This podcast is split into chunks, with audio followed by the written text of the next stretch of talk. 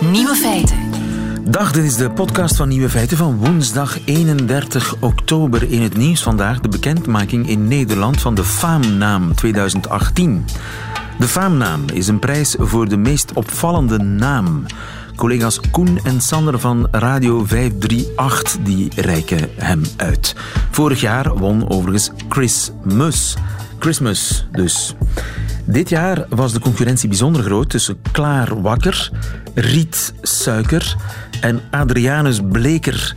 Maar de winnaar werd Jackpot. Een geboren winnaar, als u het mij vraagt, Jack Pot. Die overigens een zoon heeft, Kevin Pot. Afgekort K-Pot. Alleen in Nederland dus. Dit zijn de nieuwe feiten vandaag. Beto O'Rourke wordt de nieuwe Obama genoemd in Amerika. In landschapskantoren praten mensen minder met elkaar. Sommige mensen hun zweet riekt naar wiet. En een journalist dook onder in de hekporno. De hekporno, inderdaad. Veel plezier ermee.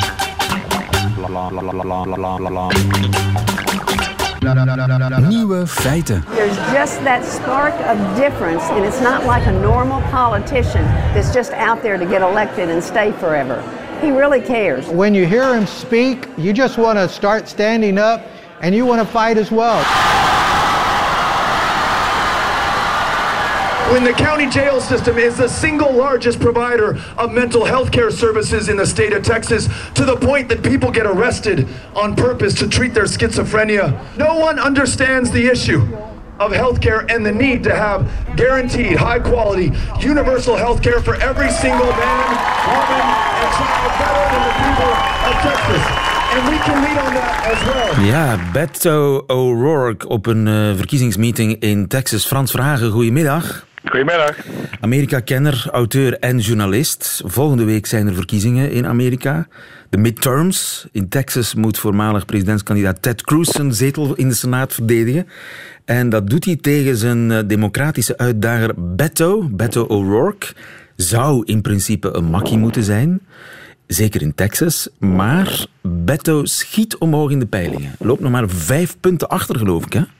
Ja, het zijn nu vijf punten. Het, was, geval, hij zit er dichtbij en hij is een uitstekende uitdager voor Cruz. En niemand had dat gedacht een jaar geleden, toen, uh, toen Beto O'Rourke begon aan zijn campagne. Uh, ik ben een paar weken geleden in Texas geweest.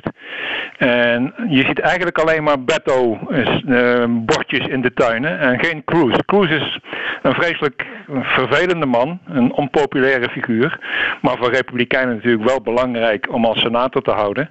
Maar Beto heeft heel goed gebruik gemaakt van de onpopulariteit van Cruz en een veranderend Texas. Texas is niet meer zo conservatief als het altijd uh, is geweest sinds de jaren 70, sinds de jaren 80. Uh, je ziet dat die staat wat progressiever wordt, dat er wat progressievere mensen komen, uit Californië onder andere. Dus mogelijk is dat een opening voor de Democraten en O'Rourke maakt daar goed gebruik van. En hij, als ik hem zo bezig zie, hij ziet er een beetje ja, mini-Kennedy uit, als ik dat zo mag zeggen. Ja, het is een beetje een lange slungel, mager. Uh, hij spreekt uh, behoorlijk goed. Ik uh, denk eerder aan een, aan een Obama, een, een, blanke Obama die Spaans spreekt en cowboylaarzen draagt. Ja, hij heeft in elk geval een, een grote cool factor. hij rijdt op een skateboard het podium op soms. ja. Ja, het is, het, is, het is natuurlijk wel een, het is een interessante vent. Hij heeft vroeger in een punkband gespeeld. Hij is ooit gearresteerd voor de rijden onder invloed. Dat heeft hij ook uh, volmondig erkend natuurlijk. Uh, hij past wel in het patroon van, van ja, Austin met name. Dat is de hoofdstad van Texas. Daar komt heel veel muziek vandaan. Het is een progressief, hoe zeg je dat? Ja, een progressief eiland in die conservatieve staat. En daar hoort O'Rourke heel goed bij. En dat spreekt ook meteen aan, aan een jongere generatie. En die heb je nodig in Amerika nu om te kunnen winnen als democraat. Als je de jongeren er niet bij kunt betrekken, dan zijn er te weinig mensen die stemmen. En dan kun je uh, geen uh, Ted Cruz verslaan bijvoorbeeld. Ja, hij gebruikt soms de woorden shit en fuck. Uh, hij heeft geen grote sponsors, hè? Nee, hij heeft heel veel geld bij elkaar geraapt. Ik geloof wel 62 miljoen dollar, maar vooral uit uh, kleinere bijdragen. En ook in dat opzicht lijkt hij uh, op Obama en ook op Bernie Sanders, hè, die presidentskandidaat in 2016, die alle, allebei zeiden van wij willen niet afhankelijk worden van grote kapitaalschieters, want dan moeten we straks onze oren daarna laten hangen. Wij doen het zelf wel. Nou, en Beto O'Rourke is daar heel succesvol in geweest. Wat ook opvalt, hij hamert uh, vooral op inhoudelijke kwesties. een vuile campagne gericht op zijn tegenstander, dat is niet echt zijn stijl. Nee, maar dat is heel verstandig. Kijk, iedereen weet wie Trump is. Iedereen weet wie Cruz is. En ik zei al, Cruz is helemaal niet zo populair onder gewone mensen. Dus dat hoef je niet iedere keer te benadrukken. Als je gewoon zegt van ik ben de tegenstander van Cruz, dat heb je al genoeg gedaan. Uh, en daarna moet je vertellen, en dat is een goede les ook voor de democraten straks in 2020. Daarna moet je vertellen wat je als alternatief te bieden hebt. En dat doet O'Rourke met een tamelijk progressief programma. Een schaamteloos linksprogramma hè, over ziekenzorg, wapenwet marihuana en migratie. Dat zijn ja, allemaal... dat je nou schaamteloos links. Dat zijn wel onderwerpen, en dat is het interessante in Amerika op het ogenblik. Dat zijn onderwerpen waar de meerderheid van de Amerikanen eigenlijk aan de kant van de Democraten staat. Het is een hele rare situatie dat we een Republikeins congres hebben, een Republikeinse president en een conservatief Supreme Court. Terwijl de grote onderwerpen, abortus, armoede, ongelijkheid, uh, wapenbeheersing, de bevolking daarin over het geheel genomen, 65 tot 70 procent, uh, aan de democratische kant staat. Dus O'Rourke is misschien, uh, hij klinkt links vergeleken bij Trump, maar hij sluit behoorlijk goed aan bij de gewone Amerikaan. Maar hij moet een heleboel mensen naar het stemhokje lokken. Dat is eigenlijk zijn grote opdracht. Ja, absoluut. En ik zei al, die jongeren, dat is een hele belangrijke. Nou, dat doet hij behoorlijk goed. Wat heel belangrijk is in Texas zijn de Hispanics. Om die naar de mensen met een, een Mexicaanse, Latino-achtergrond. Maar hij spreekt vloeiend Spaans. Het, hij spreekt vloeiend Spaans. Hij komt uit El Paso, dat is een stadje aan, aan de grens met Mexico. Dus hij weet die mensen wel te bereiken in de verkiezingscampagne. Maar zijn ze ook bereid om naar de stembus te komen? Uh, en dat is, we weten, we weten uit het verleden dat het lastig is om Hispanics naar de stembus te krijgen. En die hebben er niet zoveel zin in. Um, wonen vaak ver van een stem, uh, stemlokaal. Ja. Moeten een halve dag vrij nemen. Het is ook helemaal heel moeilijk gemaakt door de Republikeinen in Texas om voor deze mensen om te stemmen. Want ja, als je een halve dag vrij moet nemen, dan denk je van nou, laat maar zitten. Ja. Iemand anders stemt wel voor mij. Dus uh, zijn grote opdracht is inderdaad Hispanics en jongeren. En dan zou hij kunnen winnen. Dan zou hij kunnen winnen. Daar zal het van afhangen. Het wordt in elk geval heel spannend volgende week. Als hij verliest, zien we hem dan nog terug in de presidentsverkiezingen? Uh, ik denk dat we hem nog wel terug zullen zien. Hij is 45, dus hij heeft nog uh, een, een, lange politieke carrière voor hem. Hij heeft nou zijn naam gemaakt. Iedereen in Amerika kent hem. Ik denk niet dat hij in 2020 een serieuze presidentskandidaat zou kunnen zijn. Niet. Uh, Nee, dat, dat, dat, iemand zonder ervaring. Het, het zou kunnen. Hè? Lincoln, Abraham Lincoln, de grootste Amerikaanse president, was ook enkel maar afgevaardigd in het congres geweest toen hij in 1861 president werd. Dus je weet maar nooit. Ja, en Obama zelf heeft toch ook mm, ja, een ja, heel snel carrière. Hè? Die, is, ja. die is wel uh, zes jaar senator geweest. Ja. Of vier jaar senator geweest. Maar inderdaad, dat het soort. Maar dan moet er wel een crisis zijn om zo iemand uh, te laten opduiken. Er zijn veel te veel andere kandidaten. Maar ik denk dat iedere die kandidaat is in 2020 naar O'Rourke zal kijken als een mogelijke vicepresidentskandidaat. Dus we zullen hem nog wel zien. De mini-Kennedy, de witte Obama wordt hij wel eens genoemd ook. Uh, Beto, kort gezegd. Beto O'Rourke. We onthouden die naam. Dankjewel. Frans Vragen, goedemiddag. Graag gedaan. Dag.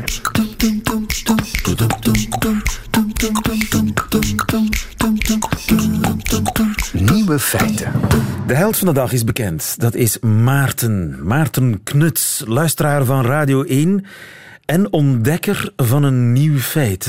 Goedemiddag, Maarten. Goedemiddag, lieven. Maarten, wat heb jij ontdekt? Ik heb ontdekt dat ik eh, vaak aan het einde van een dag, als ik uh, moet hollen naar de trein en op tijd in de les moest zijn en, en snel moest fietsen, of na een inspanning of, of, of sport heb gedaan, dat, ik, um, dat mijn zweet naar wiet ruikt. Wiet? Wiet, ja. Je bedoelt cannabis, cannabis marihuana, ja. drugs? Ja, drugs, terwijl ik eigenlijk nooit drugs gebruik. Ja. Dat weet je zeker? Dat weet ik 100% zeker, ja. Uh, maar ik ruik nu eigenlijk wel niks, moet ik zeggen. Ik heb nogthans stevig doorgestapt van aan het uh, station naar hier. Maarten, kom, kom eens dichter. Wacht, ik zal dichter komen. Dit is een, een vreemd experiment. Ik heb nog nooit iemands oksel live op de radio gesnoven. Oh, man. Sorry, Maarten. um, ja, toch een, een lichte, ja, lichte een vermoeden van wiet, inderdaad. En heb jij het enige idee of je de enige bent? Uh, ik vroeg me dat heel lang af en ik ben dat dan gaan opzoeken op het internet. En ik vond daar op, op, op verschillende fora dat er ook wel mensen waren dat die diezelfde uh, toestand waren en uh, namen. Oké, okay, Chris Kallewaard, goedemiddag. Goedemiddag. Chris, biotechnoloog van de Universiteit van Gent. Mm -hmm. Kunnen oksels geuren naar cannabis? Zeker en vast. Oh. Um, ik heb die vraag ook al meerdere malen uh, gekregen. Uh, dat fenomeen bestaat. Uh, het is eerder zeldzaam, maar het bestaat. Dus moet uh, niets met wiet of met cannabis te maken hebben. Om, en die optie bestaat inderdaad om, om zo'n geur te hebben. Um, en dat, dat ligt aan de mens zelf. Ben je daarmee geboren? Um, geboren niet echt, maar je krijgt wel de bacteriën over van uw omgeving, van uw familie, waar je opgroeit. En met het ouder worden, eigenlijk, met puberteit, worden meer lipiden op de huid gesecreteerd. aminozuren, bepaalde apocrine secreties worden actief. en dat is eigenlijk de precursor voor die geur dan. Maar dan is het nog afhankelijk van welke soort bacteriën er aanwezig zijn. Maar bedoel je nu dat, dat het eigenlijk besmettelijk is? Als, als, het, als het vanuit je, je, je gezin... Ik bedoel, roken jouw ouders ook naar cannabis? Ik heb er geen idee van. Ik heb het nog niet gevraagd aan mijn ouders. Ja. Maar ik kan het toch niet erven op de een of andere manier of, of, uh, of hm. overgedragen krijgen? Toch wel, toch wel. Dat is wel mogelijk. Ja. Um, en we, in de meeste gevallen zit uh, lijfgerook een klein beetje in de familie. Uh, en later, eh, als je, kun je of je een vriendin of een vriend hebt? Of, ja, ik heb een vriendin en ik zei, uh, hou er eens een beetje rekening mee. En ze heeft het een paar dagen daarna gezegd, wel, ik heb, ik heb het geroken, geruikt naar cannabis. Ja, ja, maar het zou kunnen dat, dat zij het dan ook krijgt. Ja, maar, ik moet wel erbij stellen, die bacterie is een lage abundantie aanwezig. Dus de meerderheid van de bacteriën in de oksel zijn dan niet die bacteriën. Maar het is eigenlijk een, een, een, een, waarschijnlijk een gram-negatieve bacterie uh, die dan die geur vrijmaakt eigenlijk, die dan eigenlijk een, uh, een vrijstelling maakt van een apocrine secretie. Ja, ja maar is die bacterie, kan die bacterie van oksel A naar oksel B springen? Dat kan in theorie, maar die leeft ook sowieso in de diepere huidlagen rond de haarwortel. Dus je moet al flink, flink je best doen om dat ja. door te geven. Inderdaad, inderdaad, inderdaad. Het is mogelijk, maar het is moeilijk. En is er een verschil tussen angstzweet en inspanningszweet? Want dat hoor je vaak zeggen, hè? Daar is een uh, verschil tussen. Uh, met angst, uh, adrenaline heeft eigenlijk een specifieke um, effect op de, op de apocrine zweetklieren. Dan komt eigenlijk het apocrine zweet, de lipiden, die aminozuren naar buiten. En ook de reeks geconverteerde moleculen. Dus in één keer kan er dan een, een, een serieuze uh, bom eigenlijk aan, geur naar buiten komen. Dus angstzweet ruikt sterker dan uh, loopzweet, zeg maar? Ja, niet bij iedereen, maar uh, in sommige gevallen is dat inderdaad het geval, ja. Sterker en ook anders misschien? En anders, ja. ja. ja, ja, ja. Zijn Maarten, wil je ervan af? Of denk je van... Hm. Voorlopig heb ik er geen problemen mee, maar als ik bijvoorbeeld op sollicitatiegesprek ga en ik steek een beetje naar cannabis, ja, dan kunnen ze misschien niet zo'n goede indruk eigenlijk. Nee, maakt niet zo'n goede indruk. Dus... Als kandidaat boekhouder bijvoorbeeld. hè? Ja, inderdaad. Maar dus ik wil er wel vanaf als het kan, maar het is niet dat het mij super hard stoort of zo. Kan Maarten er vanaf, Chris? Wel, Maarten, kom gerust af naar Gent. Uh, we spreken even af. Uh, ik neem dan een staaltje van de oksels. En wij hebben hier ook een, uh, een, een, een spray ontwikkeld met bacteriën M. En die bacteriën uh, kunnen dan ook uh, die bestaande bacteriën die je hebt in de oksel wegconcurreren. Ah. Um, voor, concurrentie voor plaats en voor voeding eigenlijk. Dus een soort antibacteriën? Dus niet antibacteriën, het zijn ook bacteriën. Het is eigenlijk op een probiotische manier dat we het probleem aanpakken. Tegen bacteriën. Bacteriën die de, de, de, de goede bacteriën die de slechte bacteriën oppeuzelen, zoiets. Inderdaad, ja.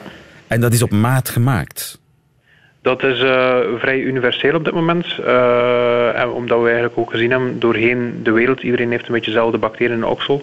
Maar de abundantie verschilt wel een beetje. Maar eigenlijk die bacterie zorgt eigenlijk voor een goede geur bij, bij vrijwel iedereen. Dus, uh, ah ja. Maar moet, moet je dan voor Maarten een speciaal potje maken? nee, misschien dat we dat wel even wat antibacteriële middelen gaan moeten toepassen in de oksel om, om die initiële bacteriën te verminderen in hoeveelheid of, of weg te werken.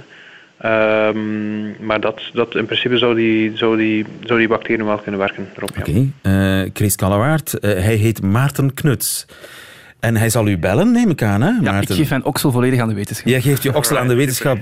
daar, ben, eh, daar, daar, daar, is de wetenschap eh, heel blij mee. En in het bijzonder Chris Kallewaard, biotechnoloog van de Universiteit van Gent. Dankjewel.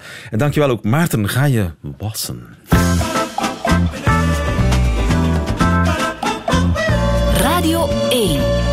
Feiten. Zit u ook in een landschapskantoor? Ideaal is het niet, maar je praat toch makkelijker met een collega. Tenminste, dat dacht ik altijd. Maar klopt dat ook? Anaï van Outegem, goedemiddag. Goedemiddag. Um, Jij bent arbeidspsycholoog en uh, het is, uh, aan de Universiteit van Harvard is het onderzocht. Hè? Collega's van jou van Harvard hebben onderzocht of mensen in één groot mhm. kantoor beter communiceren dan mensen in gescheiden kantoren. Wat blijkt? Ja, uh, het blijkt dat dit uh, niet het geval is. Um, en dus wat ze hebben teruggevonden is dat inderdaad de communicatie in open kantoren daalt met 70%, de face-to-face communicatie. En ze hebben een stijging gevonden in, het, in de niet-face-to-face communicatie. Dus er zijn meer e-mails tussen medewerkers en er zijn meer chats. Hè? Dus in landschapskantoren, waar mensen allemaal in één grote ruimte zitten, mm -hmm. uh, praten collega's niet met elkaar, ze mailen. Ja, inderdaad. Ik moet zeggen dat ik zelf niet echt uh, verbaasd was over de resultaten van, uh, van deze studie, omdat het eigenlijk in lijn ligt met wat al in uh, andere studies is teruggevonden. voorstanders van open kantoren die halen stevast aan dat het zou goed zijn voor de samenwerking en dat het goed zou zijn voor de communicatie. Maar wat blijkt nu? In open kantoren zullen er minder uh, persoonlijke en confidentiële gesprekken zijn, zal er minder feedback gegeven worden, daalt de communicatie, maar ook de kwaliteit van communicatie en samenwerking wordt als lager ervaren. Dus mensen geven aan dat samenwerking minder plezierig wordt, de tevredenheid met interactie onder collega's daalt en ook de effectiviteit van samenwerken en socialiseren daalt. Maar wat is de logica daarachter? Want ja, als, als al mijn collega's op roepafstand zitten, dan zou ik toch veel makkelijker en sneller Naar iemand kunnen toestappen om te praten. Ja, dus inderdaad, die fysieke barrières die worden weggehaald, maar in ruil daarvoor komen er wel uh, andere problemen. En enerzijds, een heel groot aspect daarvan is privacy. Dus die muren weghalen betekent ook wel dat de privacy uh, van gesprekken zal dalen. Wat maakt dat je minder vertrouwelijke gesprekken zal voeren met collega's, want andere mensen kunnen meeluisteren. Maar ook het aspect van andere storen speelt hier een rol. Je zal minder uh, gesprekken hebben of binnenspringen voor een babbeltje of een samenwerking bespreken als je weet dat je daarmee het werk van andere collega's eigenlijk aan het verhinderen bent. Maar 15 jaar geleden had de kantoortuin de toekomst. Overal mhm. werden muren gesloopt. Uh, De mhm. eenpersoonskantoren moesten weg. Ook de vierpersoonskantoren moesten weg. Ja, tientallen, honderden collega's gingen samen zitten in een van die hypermoderne landschapskantoren in ministeries, banken, ook op de VRT hier. Ik kijk er nu op uit, op de, de VRT-nieuwsdienst. Dat is één grote ruimte waar honderden uh mensen samen zitten. Er is geen deur meer te vinden. Uh, Wat was daarvan dan de bedoeling? Ja, uh, goh, daar zijn een paar aspecten die een rol hebben gespeeld. Onder andere dat samenwerkingsaspect, waarvan dat ze hadden gedacht... Um, dat dat ging verbeteren. En waar dat, het onderzoek dat daarop gevolgd is op die beweging eigenlijk heeft aangetoond dat dat niet zo is. Een andere factor uh, die vaak een rol speelt, is ook besparingen. Uh, het is nu eenmaal goedkoper om zoveel mensen samen in één ruimte te zetten. Het, uh, het brengt op op die manier. je wint ja. plaats, maar je mhm, -huh, verliest mhm. -huh. aan, aan, rust en concentratie. -huh, mhm, en je verliest nu eigenlijk ook aan communicatie. Ja. Uh, in mijn perceptie zijn er dan ook eigenlijk weinig voordelen aan open kantoren. En was mijn volgende vraag. Schiet er nog een voordeel over eigenlijk? Behalve dan zo gezegd het kosten besparen. Maar ja, als je dan zoveel kosten hebt in concentratie en communicatie, ja, dat, dat compenseert waarschijnlijk niet de, de, de kosten die nee, je wint. Nee. En uit dat zijn sommige studies ook expliciet nagegaan van wat je zo gezegd zou winnen in samenwerking, ben je dat dan ook niet kwijt uh, in privacy, afleiding en ook alle negatieve factoren die daarmee samenhangen, zoals minder arbeidstevredenheid, minder prestaties, minder motivatie, dat wordt aangegeven. En uit al die studies komt naar voren van nee, je wint, je wint er eigenlijk niets mee, want de nadelen wegen op tegen de ja, zogezegde voordelen dan ook. Dus moeten we muren met ze terug? Ehm, ja, ik zou er eigenlijk wel een voorstander van zijn. Van toch terug meer... Uh, er kunnen wel een aantal collega's samen in een kantoor zitten, maar die grote open kantoren met honderden medewerkers tezamen, uh, onderzoek is daarin eenduidig, dat werkt niet. Heel simpel. Ja. Dankjewel. Uh, ja, soms is het simpel. Anaï van Houtegem, goedemiddag. Dankjewel. Nieuwe feiten. En mijn held van de dag is uh, Daniel Daniel Verlaan. Die is uh, ondergedoken, geïnfiltreerd in de wonderenwereld van de hackporno. Dag Daniel. Goedemiddag. Daniel, je bent eigenlijk techjournalist. Yes. En je hebt uh, ja, een infiltratieoperatie uitgevoerd in de wereld van de hackporno. Hackporno, wat is dat eigenlijk? Nou, ik, het, is een beetje lastig om het, om porno te noemen, moet ik eerlijk bekennen. Het, uh, het gaat hierin om een, uh, om een netwerk van gehackte slash gestolen uh, naaktfoto's. En het zijn dan veelal foto's die niet eens heel erg bedoeld zijn om te versturen. Uh, dus dat zijn bijvoorbeeld foto's van iemand in een lingerie setje of iemand die bijvoorbeeld een foto van haar borst maakt omdat er een uitslag op zit en die dat naar haar moeder stuurt bijvoorbeeld. Dat soort foto's moet je denken. Dus niet eens per se foto's die heel pornografisch zijn bedoeld, maar gewoon foto's die, uh, die heel veel mensen op hun, met een telefoon maken en die daar op, opslaan. En zijn het ook foto's die stiekem gemaakt zijn? Nee, nee, nee, nee. Dat valt in dit geval heel erg mee. Het zijn foto's eigenlijk die, die iedereen op zijn eigen telefoon maakt in een pashokje, voor een spiegel, uh, een keer om iets te laten zien, om een uh, mening te vragen van iemand anders. Uh, die eigenlijk veilig op je telefoon behoren te staan, maar die dan worden gehackt en daardoor worden gestolen. En in groepen worden bekeken en uitgewisseld.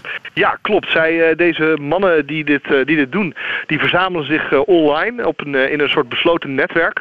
En die delen daar die, dat soort foto's, die ruilen dat eigenlijk een soort van elkaar. En ze beheren, een, een klein deel van dat netwerk beheert samen een, uh, een online bibliotheek eigenlijk. Waarin zij al die gestolen naaktbeelden uh, soort categoriseren in mapjes uh, met de, de naam van de slachtoffers. En dat is een grote bibliotheek. Ja, dat is een grote bibliotheek. Het ging hierin om uh, zo'n 150 meisjes. Er uh, zaten ook enkele Vlaamse meisjes bij. En um, die worden eigenlijk daar gewoon uh, ja, gecatalogiseerd. Het ging echt om duizenden afbeeldingen en video's. Het lijkt me niet simpel om in die groep te worden opgenomen.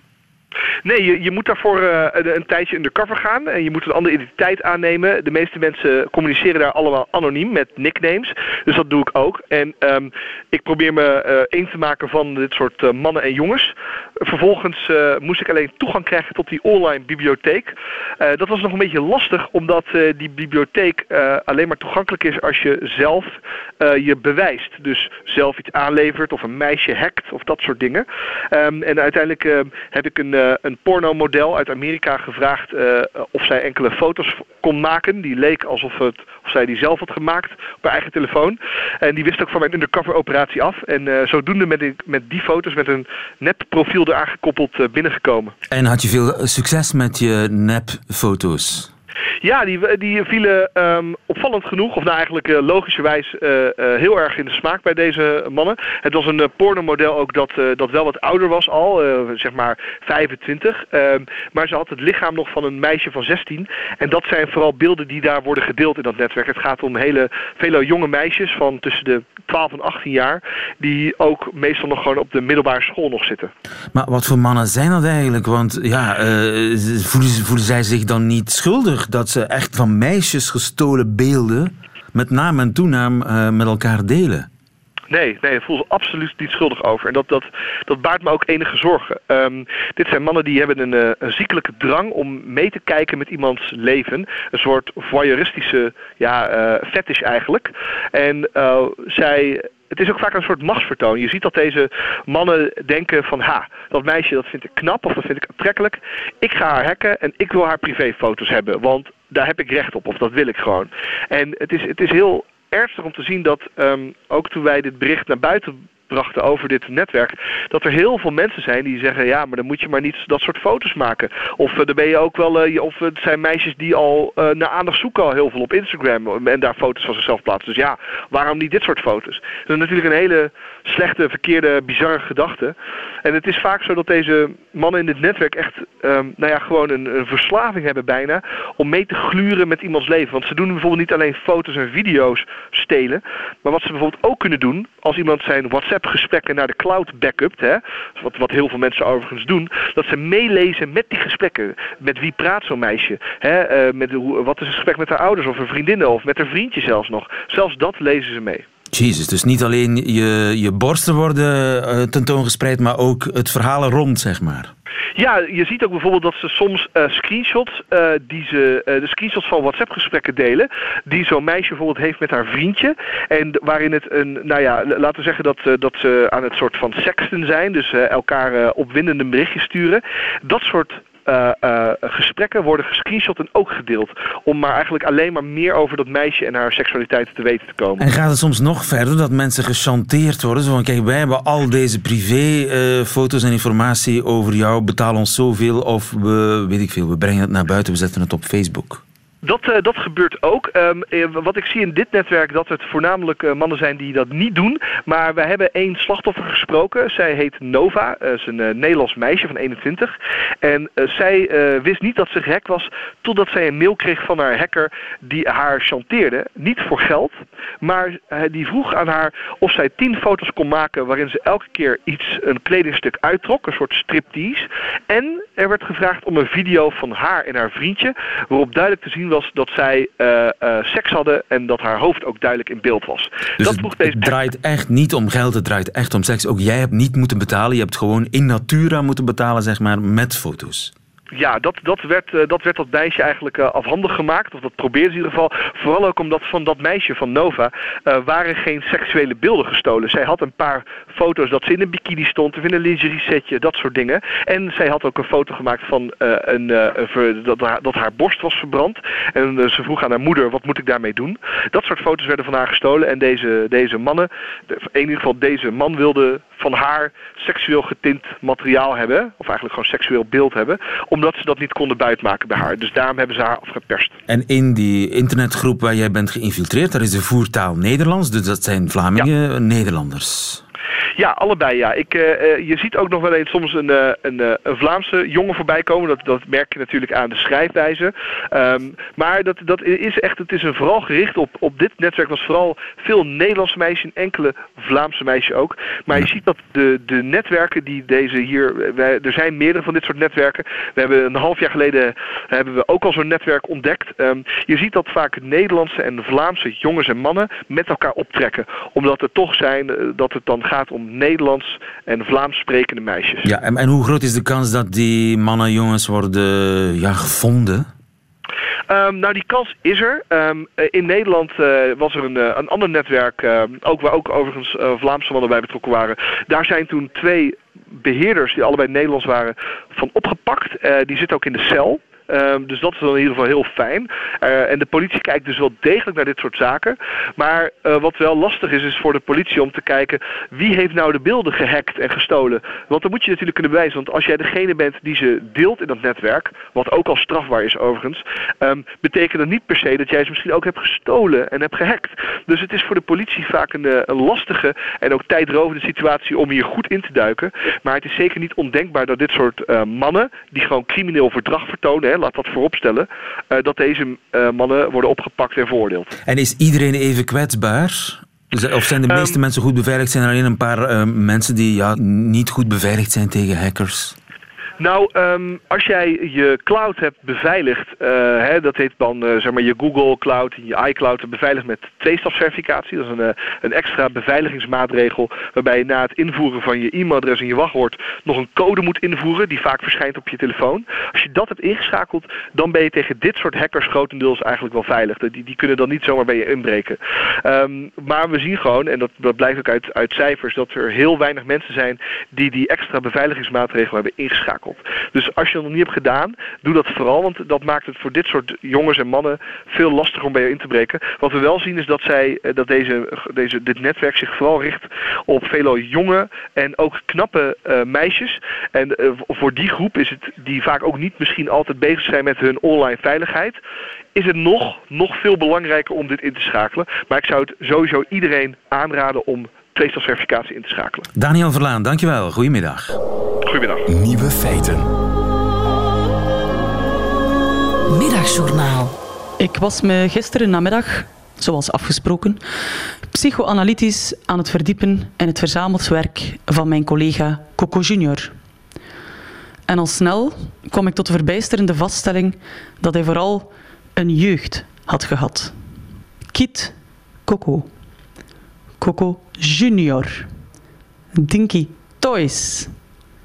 Alles wees erop. Zelfs het infantiele My Day Will Come, een van de grootste hits, verwees naar het megalomane en egocentrische karakter van de wel zeer jonge man die hij gestalte gaf. Zeer frappant voor iemand die eigenlijk gewoon Mark Dirks heet. Toen plots de bel ging. Het bleek de postbode te zijn, met een hele levering lezersbrieven. Die krijg ik wel vaker, dus ik wist waar ik me kon aan verwachten. De lezersbrieven gingen als volgt. Hey, Sarah. Super tof wat je doet. Maar wordt het niet eens stil aan tijd voor een haiku? Het publiek heeft altijd gelijk. Dus ben ik met dat advies aan de slag gegaan en heb ik toen mijn eerste haiku geschreven, getiteld Lachenbekjes. Ik wil lachenbekjes in mijn haar. De perfecte plaats voor humor. En ook een beetje raar. Ik ben er niet helemaal zeker van dat dit aan de voorwaarden van een haiku voldoet. Maar laten we niet vergeten dat er altijd ruimte is voor groeimarge. Ik ben er liever eerlijk over. En sommige mensen verwarren de waarheid met humor. Ik ben wel fan van de waarheid. Zeker als die hard is. Niets leuker om de dag te starten met een heerlijk stukje harde waarheid. Het leven is meer dan doodgaan alleen, zeg ik altijd.